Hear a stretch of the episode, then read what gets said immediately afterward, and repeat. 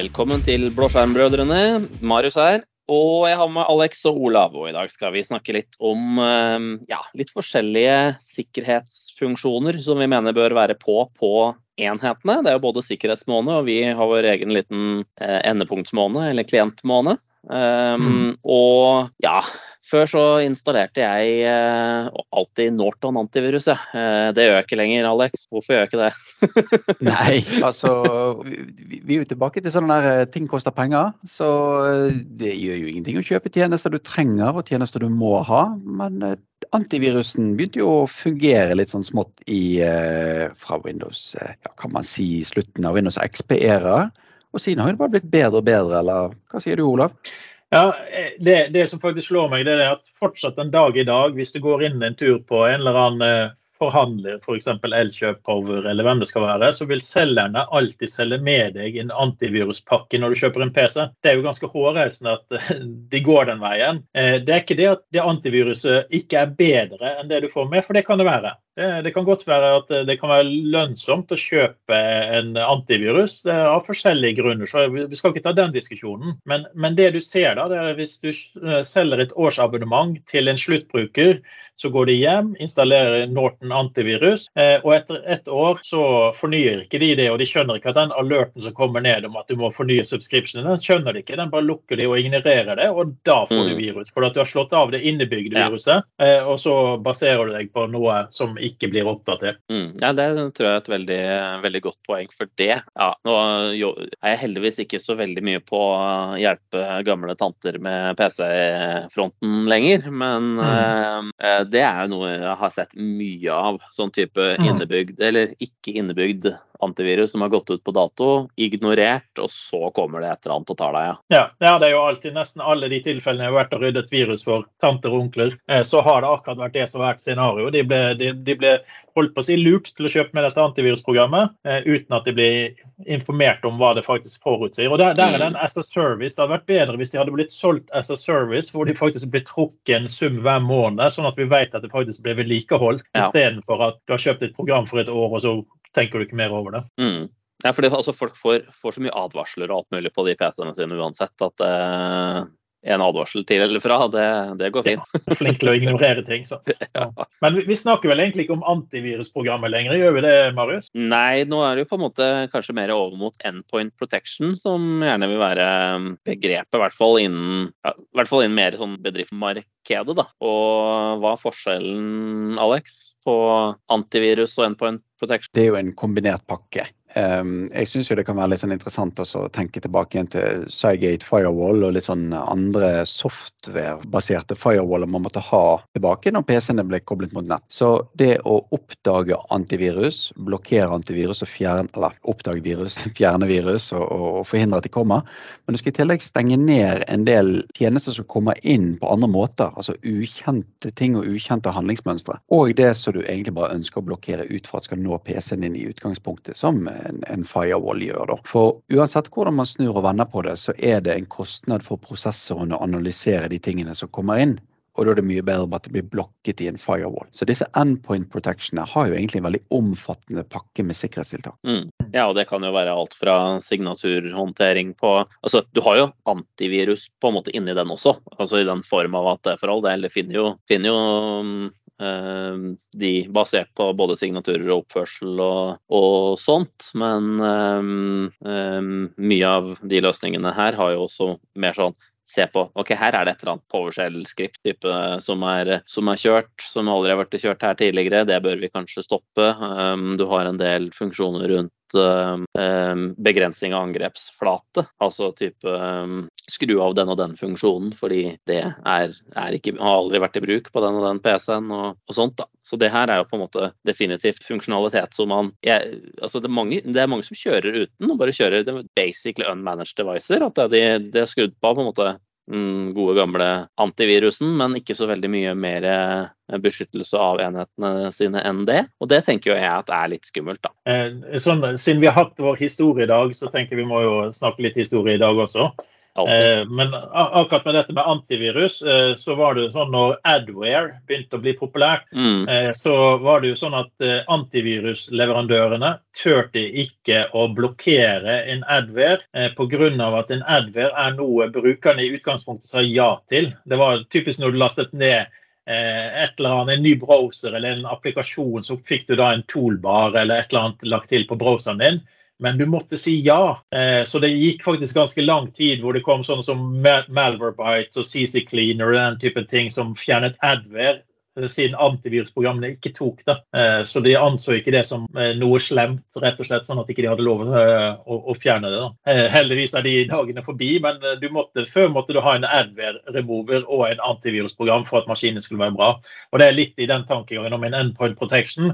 Det skal ikke være forskjell på Eh, hvilken eh, motor du bruker, for målet er å sikre klienten. Sant? Det er litt endpoint-tankegangen. da. Mm, ikke sant. Og, men hvordan Hølpusa, tenker dere update management virker inn, inn her? Hva, hva, bør, hva, bør, man ha på plass av, av uh, separat løsning for å håndtere ja, oppdatering av både programvare og operativsystem? Mm. Må, må, du ha Vesus-serveren på plass, er det det du tenker? Eh, ja. ja, ja. Vesus er ikke dumt. Nei, sant. Det, det, er jo liksom hvilken, hvilken sandkasse står man i. For det, at, det er jo riktig det. Skal man bruke System Center med, med overvåking? Skal man bruke Vesus? Skal man bruke Intune, altså nye Endpoint Manager-portalen? Det viktigste er egentlig å ha et verktøy som sørger for at både antivirusen, operativsystemet og alle disse kjernefunksjonene blir oppdatert, og at du vet mm. at de blir oppdatert. Um, ja, for hvor mange er det ikke som på en måte har en del enheter da, som um, de har ikke hatt oppdateringer på et par år, uh, og det er ingen mm. som får ført opp det, for det dukker ikke opp noe sted. Um, I gode gamle VSU så har de jo også hatt rapporter på det, men jeg, jeg har hatt mange kunder jeg, som ikke har ført opp de, for å si det på den måten. Ja, ja for det, Er du fornuftig, så setter du opp eh, en intern policy som tilsier at vi tillater ikke eldre Windows-bild enn to tilbake, f.eks. De skal være patchet, mm. men du skal heller ikke ha eldre bild enn noe. Sånn at du ja. har helt bevisste valg på at eh, alt skal være patchet opp til siste måneds ja, og, og, gjerne også på mobilenheter, da. Mm. Med lignende type policy rundt de òg. Ja, og det er jo der vi ser mye av uh, snusket som kommer nå. Det er jo det at uh, eh, istedenfor å forsøke seg på devices For et, et, stort og godt firma vil veldig ofte ha en update management med en management som gjør at de har kontroll over dette. her, uh, Men de har veldig ofte glemt telefoner, og spesielt med disse bring your own device-tankegangene på telefoner, så kommer det folk med en Android med uh, lollipop-en heter, Android versjon 5 5 eller et eller annet sånt. Sant? Altså det, mm. det er hypergammelt, eh, men du tillater det at det kjører Office-produktene dine. Og i teorien kan det faktisk eh, da komme inn og så smitte seg over på noe annet hvis det, de, de går inn den veien. Mm, ja, absolutt. Og, og, litt av poenget her nå er jo egentlig at eh, ja, hvor, hvorfor skal du kalle sitte og følge opp de der rapportene som sier hvilke enheter som ikke har updates og, og alt mulig. Nå er det jo generelt klienter vi snakker om, da. Men mm. uh, da er det jo bedre å bare si det får jo brukeren fikse sjøl, men vi, vi, sørger for at det er du så så har du så så gammel uh, status rundt oppdateringer, så nope. Da får, du, da får du bli compliant igjen før du, før du kommer, mm. kommer, inn her. Og det er, nå er det egentlig veldig enkelt å få til. Mm tidligere med liksom eh, alt som har med ja, Vesus og HRA-server for sånn Health Registration mm. Authority, alle de greiene der, det var jo et helt helvete å sette opp. Det mm. var jo bingo om det funka og ikke. Mm. Mens nå er jo det supertrivielt. Så på en måte det i så, så, hvis man skal ta et sånn her aksjonspunkt, liksom, så er det jo det å, det å kreve eh, enheter eller klienter som, eh, som eh, er compliant med en fornuftig policy, at den policyen er, eh, eller innehar både en del sånn klientinnstillinger, som du typisk gjør med point protection, og sånt, og at de er også oppdatert. Mm. Så da snakker vi rett og slett om eh, conditional access. Eh, for å ja. slippe deg inn, så må du gjennom en, en, eh, evaluering av en policy som tilsier at du da er relativt oppdatert? Ja, det er akkurat det. Så, men, men er, de for... policyene, er de policyene, altså conditional access, er ikke det området jeg jobber på lenger. Jeg jobbet mye med det før. Men det jeg husker som var min utfordring med å lage en god compliance policy, det var det at du satt en hard setting som tilsier at du må minimum ha dette, du må minimum ha dette dette. Og så måtte du komme inn neste gang du ville kreve noe annet, så måtte du manuelt gå inn og, og oppdatere det. Men eh, du vil jo at det alltid skal være patchet opp til siste service level-nivå og den typen ting. Er det, er det, lettere å sette opp nå enn det var tidligere? Altså fra, Fra rent condition access-nivå så sier du bare at du skal være compliant, på en måte. Mm. Uh, men uh, i Intune-verden uh, Alex kan jo sikkert fortelle litt om hvordan man håndterer hva man har som på en måte baseline. Det vi anbefaler egentlig er jo at man har en grunnpolicy policy som sier hvilke funksjoner som skal være på. Du skal ha bitlocker, du skal ha firewall, du skal ha en del sikkerhetsfunksjoner, men ingenting om mm. operativsystemversjon. Og så bør man finne en måte å lage sin egen rytme for å sørge for at enhver versjon av et operativsystem skal ha en versjon for å være compliant. For det er jo ikke bare Windows, det er jo Mac, det er iOS, det er Android. og hvordan skal man egentlig behandle i dag en IOS 14-enhet? Hvordan skal man behandle en IOS 13-enhet? Jo, det er gjerne godt nok å ha en IOS 13 og 14-enhet, men den må være patchet. Eh, det har kommet noen targeting rules i Conditional Access som det ikke står så veldig mye dokumentert om. Han ble vel sånn snikinnført og bare komme inn i altså compliance policyene. Da. Men min anbefaling er også å pare opp en dynamisk eh, entra ID-gruppe sammen med en compliance policy. Men det er dessverre litt manuelt arbeid, ja. Mm, ja. Mm. mm. Men du tok jo innom, jeg nevnte så vidt det er noe annet som eh, er en veldig oversett ting som burde vært logisk. Eh, BitLocker. Ja, BitLocker det er, det er, en selvfølge, altså. Ja, Men er det selvfølgelig at den er slått på? Selvfølgelig ikke.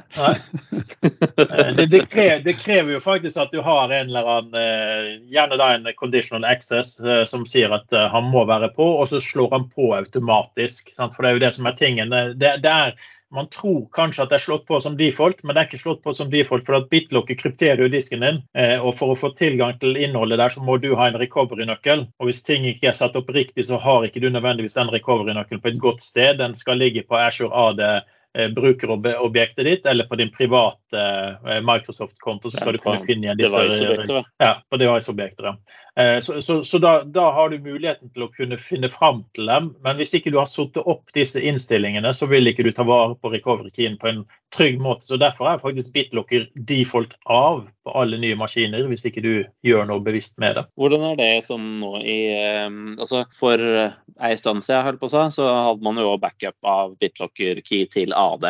On-pram AD. Mm. Um, mm. Men i en verden nå hvor man har, um, har enten f.eks. hybrid join, da, så har man jo alt det her, e, og egentlig veldig ut av boksen, med sjølbetjening og hele pakka. Så um, ja, det her òg bør være ting som man nå egentlig bare skrur på, fordi du, du i stor grad kontrollerer hvordan enhetene er holdt på å kobla til miljøet ditt. Mm. Og da kommer du inn på disse... Jo, ja, så En av de viktige er jo det at glemte PC, sikkerhetskontroll osv. Eh, og bare det å få fysisk tilgang til en maskin og kunne bote den opp med et botbart media, så kan du begynne å grave i, i filene som ligger på maskinen. Den er litt sånn ah, så BitLocker er Det må på. Det, det, er noe, det, er, det, er egentlig ikke noe alternativ, men, men, det er ikke sikkert at du har det på. Det er derfor disse her Eh, conditional access er, til tider en reduksjon av management eh, pga. at ikke du behøver å manuelt sjekke har de bitlocker på. For de får ikke komme inn hvis de ikke har bitlocker på. Har de oppdatert mm. antivirus? Nei, de får ikke komme inn hvis de ikke har det, osv. Så, så, så, så en conditional access eh, tar det kanskje videre til noe av det eh, viktigste med et sikkerhetssystem. Det er det at du har en management, dvs. Si at du, du får eh, oversikt og kontroll. Eh, og du vil ikke ha uh, information overload. Og det vil du ha hvis du manuelt skal gå inn og sjekke hvem har bitlocket, hvem har patcher, hvem har disse versjoner osv. Mm. Har du en conditional access, så vet du at det virker. Så en management vil gi deg en rapport som sier at 98% av systemene er gode. Disse 2% her må du manuelt gjøre noe med. Istedenfor hvis du ikke har conditional access, så vil 98% av systemene være feil. Men du må finne ut hvem det er, og så må du fikse det. Mm, ikke sant. Og så er det jo på en måte nå bare hvis, hvis brukeren ikke kommer inn, da. Eh, for han får beskjed om at det, du må faktisk sørge for at det, du sitter på en PC som følger de policyene vi, vi, har på plass. Så i hvert fall i stor grad så vil en jo kanskje se på om en klarer å adressere det sjøl før, en ringer IT. Eller vil en det? Ja, litt usikker. Men litt avhengig av hvilken type bruker man har, kanskje. Men eh, ja. da, da, får man uhorvelig mye bedre kontroll. Mm. Og så er det også lett sånn å Zero Trust-ståsted, så er jo på en måte det å verifisere enheten, og eh, det er jo en vesentlig ting. Mm. Og så Hvis du ringer eh, helpdesken, så kan de faktisk gå inn på din maskin. og så Selv om ikke du skjønte dette, at du kommer ikke inn pga. at ikke du har patchet opp, så kan de faktisk gå inn og så kan de se loggene på din maskin eller din bruker. Eh, du kom ikke inn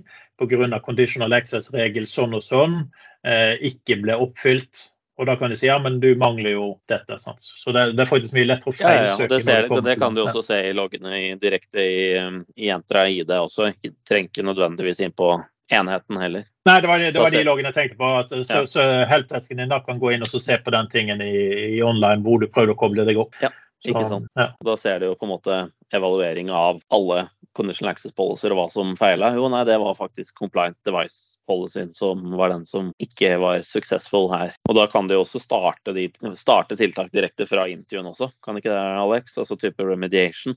jo, det er veldig mange, veldig mange, sånne ting man kan ta og gjøre. Uh, du har jo update policy management for hvordan du skal oppdatere Windows. Krav til å egentlig ekspedere oppdateringene ut. Så det viktigste er egentlig å sørge for at de jevnlig er på nett. Og det er jo en av de tingene som er en del av den default built-in compliance-policyen. Devicen er ikke compliant hvis den ikke har vært på nett de siste par dagene. Så det å ikke kjøre en maskin online gjør at den er non-compliant. Ikke sant. Mm. Og sånn, hvis man ser um, litt sånn inn i uh, det, noe som er eh, litt tidlig foreløpig, men Global Secure Access og sånt i, um, i Entra, der har du jo da har vi egentlig vi har prata om det, har vi ikke det? Jo da. Eh, der har du nå i hvert fall eh, muligheten til at alle enhetene dine, i stedet for at de står på noe internt nett som kan nå alt mulig og sånt, så er det Entra som er inngangsporten til både dine interne tjenester, men også internett. Eh, og da kan du um, ha, ha regler som, som, kan styre hva du kan nå, så lenge du ikke har oppdateringer. Kanskje du ikke får, får internettilgang, da. Eller du får ikke tilgang mest kritiske systemene, så at du ikke har uh, den og den, uh, den den oppdateringa, eller følger den og den uh, policyen. Så, um, men det er kanskje ikke sånn tiltak du gjør akkurat nå, siden det er en tidlig preview og ingen priser foreløpig men, men, her skjer det veldig mye, veldig mye spennende. Da. Så, men det du gjør i dag, det er å sørge for at du har conditional access på, og, og krever devices som er compliant med en fornuftig regel i Intune. Ja, og, og så er det jo dette med hvordan skal du få tilgang inn på boksen. Om, om, det mm. er, altså En ting er det at du skal komme, komme, inn på en tjeneste eller komme deg inn på en device, eller uansett hva det er. Så er jo passord en dårlig idé. Passord er alltid en dårlig idé. Passord er alltid en dårlig idé. Og Hvordan ville du ha lagt ned en sånn type strategi? Vi vet jo det at eh, du har hatt noen sjokkerende opplevelser på flyturer her, Olav. Der eh, folk bare forlater PC-en sin og, og rett og slett bare går på do. Ja, og så lar han stå pålogget med siden av meg, så nå vet jeg alt om statistikken på diverse firmaer. Det, ja.